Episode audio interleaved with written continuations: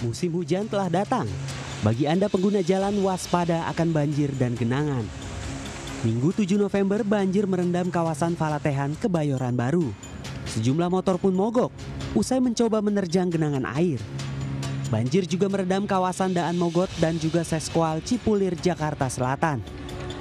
Tentunya hal ini menjadi tantangan bagi para pengguna jalan karena harus berhati-hati dalam menerobos genangan. Lalu apa yang harus dilakukan jika motor Anda mogok akibat menerobos genangan?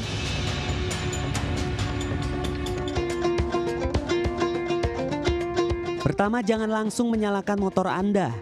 Genangan yang melebihi ketinggian mesin beresiko merusak bagian vital mesin motor. Diamkan motor hingga air turun dari mesin. Berikutnya, cek dan keringkan busi motor Anda. Busi yang basah membuat motor tak bisa menyala.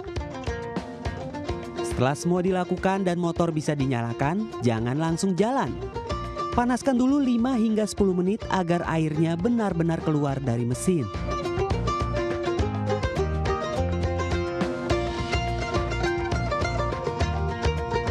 Saat hujan, pengendara motor sebaiknya tidak memaksakan diri melanjutkan perjalanan dan berteduh mungkin bisa menjadi pilihan.